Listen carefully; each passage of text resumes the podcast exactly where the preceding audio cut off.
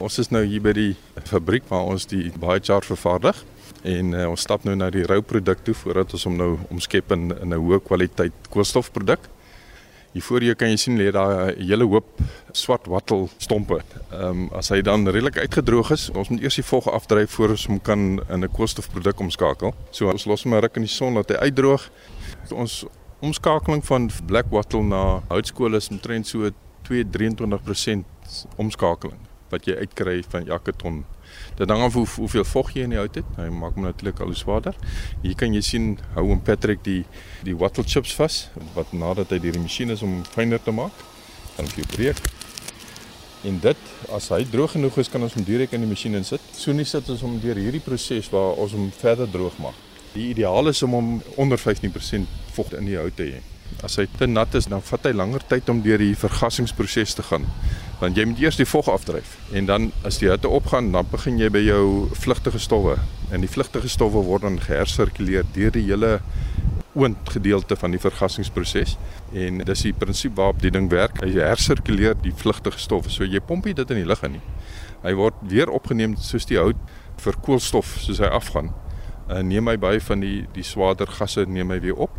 En al wat by die koorsteene bo uitgaan is jou waterstofproduk wat glad nie 'n besoedelingseffek het nie So dis 'n redelike suiwer skoon proses waar ons hout omskakel na hoë kwaliteit koolstof toe.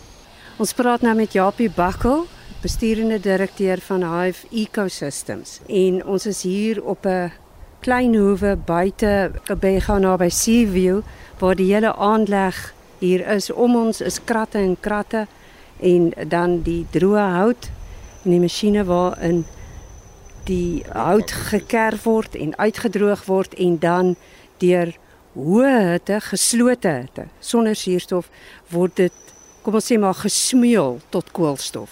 Nee, dis nie 'n smeelingsproses nie, dit is 'n vergassingsproses waar die skoon hout omgeskakel word na hoë kwaliteit uh, koolstofproduk. En nie houtskool waarmee mens braai nie. Ons kan houtskool ook deur die proses uh, sit, dan verbeter sy kwaliteit geweldig. As jy houtskool gaan koop by die winkel, dan kry jy enigiets tussen 50 en 70% koolstofinhoud in daai houtskool, maar hy het baie hoë vlugtige stowwe in daai koolstof.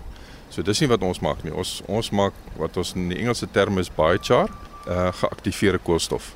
As 'n mens dit nou so kan noem hierdie koolstofproduserende aanleg in Nelson Mandela Bay is een van die eerstes in die land. Hoekom het julle dit begin en waar gaan julle al die rou produk kry? Om die koolstof te vervaardig. Soos meeste mense seker dan weet, ons het 'n groot probleem in Suid-Afrika met swart wattel en uitheemse plante groei wat groot oppervlaktes beslaan in ons land en met die groot negatiewe effekte op die waterbronne in die land en hulle bedreig ons biodiversiteit. So ons hele idee was om werfverskaffing te verbeter in die land. Soos baie mense moontlik weet, die arme mense wat houtskool maak en brandhout probeer maak uit hierdie uitheemse plante groei, sukkel maar om 'n lewe te maak. So ons wil 'n hoë kwaliteit produk met 'n baie hoër waarde probeer vervaardig dat ons mense baie beter salarisse kan betaal. So en dis hoe ons met hierdie konsep uh, vorendag gekom het. Die tegnologie wat ons gebruik, die vergassingstegnologie is Suid-Afrikaanse tegnologie. Dis 'n persoon met die naam van Henny van Aarde wat dit oor die laaste 25 jaar ontwikkel het. En ehm um, ons het die Britse beleggers kon oortuig dat hierdie is 'n goeie plek om te belê want ons gaan 'n klomp goed ons is sirkulêre ekonomie wat ons probeer bevorder. So ons haal aan die een kant al ons die uitheemse plante groei uit. Ons verskaf mense werk. Ons omskep hierdie gemorsplante wat ons water oppomp in die lug. Omskep ons in 'n hoë kwaliteit koolstofproduk wat dan vir 'n klomp goed aangewend word. Dit is 'n baie handige produk om te kan aanwend in die landbou en medisinaal en in die waterfiltreringsmark. Ek het gehoor mynbou ook. Ja, mynbou, hulle moet ook hulle water filtreer vir al die besoedelde water wat as gevolg van die mynbouproses uh, gebruik word. Moet daai water weer gefiltreer word en baie char is 'n uitstekende produk omdat hy so hoë oppervlakte het. So um, as jy 800 vierkante meter per gram het, dan absorbeer hy al die toksines en die chemikalieë in die water. So die water wat dan uitkom is suiwer water wat jy weer kan heraanwend. Julle is nou so plus minus 'n jaar aan die gang wat julle in die aanleg ingerig het en begin vervaardig het en jy trek al by 220 ton koolstof. As jy dan nou so spanne oplei om die werk te doen en soveel belê het hier, dan sê dit vir my net een ding en dit is julle definitief 'n kopersmark. Ons weet daar's 'n groot mark. Maar uh, in Suid-Afrika is dit 'n ontwikkelende mark. So ons moet nog redelik in die mark kom. Die 200 ton is eintlik baie min. Ons beoog om 200 ton per maand te vervaardig met hierdie spesifieke aanleg. En wat ek vergeet het om voorheen te noem is dat die vergassingseenheid is so ontwerp dat hy mobiel is. Die groot probleem met enige bosbou tipe industrie is dat jou hout is geweldig swaar om te vervoer. Dis die ding wat jou beperk of jy kan geld maak of nie. So die idee is hierso is om om hierdie eenhede so losstaande te ontwikkel dat hy kan uitgeneem word na waar die hout is, eerder as om die hout in te bring na na 'n sentrale plek toe. Hier kom ons nou in 'n stoel, jy's tot teen die dak staan dit gestapel groot sakke vol hoëgraad geaktiveerde koolstof. As ons kyk na landbou, het hulle ook gesê mense kyk ook dit kan moontlik toetse word op die oomblik nog gedoen vir die regte dosisse by veevoer, maar dis ook vir landbougrond. Ja, so daar's twee groot aanwendings in die landbousektor. Die een is vir die die veevoer waar jy kyk na 'n trendige gemiddel van 5% as gedeelte van jou veevoer. Die voordeel daarvan is dan ook as die vee dit inneem dan verwyder hulle die toksines uit die maag uit Dis 'n baie stabiele. Dis ek dink dis wat mense ook moet verstaan van die koolstof hier wat in my hand hou hierso. Dis 'n stabiele koolstof. So hy word nie afgebreek as hy in die grond kom nie. As hy deur die vergassings koolstofverwerkingsproses is, dan bly hy stabiel in die grond vir vir honderde jare. En, en hoe bevoordeel dit dan die plante? Baie goeie baie goeie vraag. So omdat hy sy so hoë absorberende oppervlakte het binne in die struktuur van hierdie biochar, skep hy 'n ideale habitat vir jou mikrobes om in te lewe. So dis 'n geweldige plek vir dit. Maar boonbehalwe dit, onthou hy absorbeer water. hy absorbeer jou stikstowwe.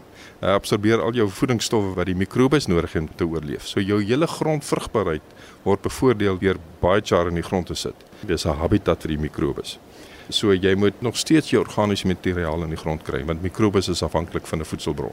So jy kan nie al jou reste van jou plantmateriaal verwyder van die grond nie. Jy moet dit nog steeds in die grond insit. Kunsmis? kunsmis is wat wat kunsmis is wat ons probeer vervang deur baie jaar te gebruik. So dis die meer omgewingsvriendelike manier om te boer. So ons probeer die hele regenererende landbou te bevorder, hernuwingslandbou soos dit in Afrikaans noem, om mense te laat verstaan hoe begin jy grondgesondheid aanspreek weer jou mikrobe lewe terug te kry en om minder kunsmisse te gebruik want dis chemikalieë wat ons in die in die grond inpomp. Jy moet groener dink oor die lewe, minder kunsmis, meer organiese materiaal en laat jou mikrobes hulle werk doen wat hulle al die jare voor die Tweede Wêreldoorlog vir ons gedoen het. Dis maar 'n gevolg van die Tweede Wêreldoorlog wat ons begin. Hoekom? Ehm um, omdat jou ammunisie jou TNT staan vir trinitrotolueen, dis al die stikstof binnende eh, goed wat ook plofstof is. So jy sal onthou die groot ontploffing by Beirut. Dit was kunsmis wat ontplof het wat net so goed as as plofstof kan aangewend word. So na die Tweede Wêreldoorlog is al daai ammunisiefabrieke moes hulle omskakel in kunsmisfabrieke want hulle het nie goed gehad en toe het hulle die hele wêreld oortuig het jy kan eintlik nie boer sonder kunsmis nie wat 'n mite is. Japie Bakkel bestuurende direkteur van Hive Ecosystems.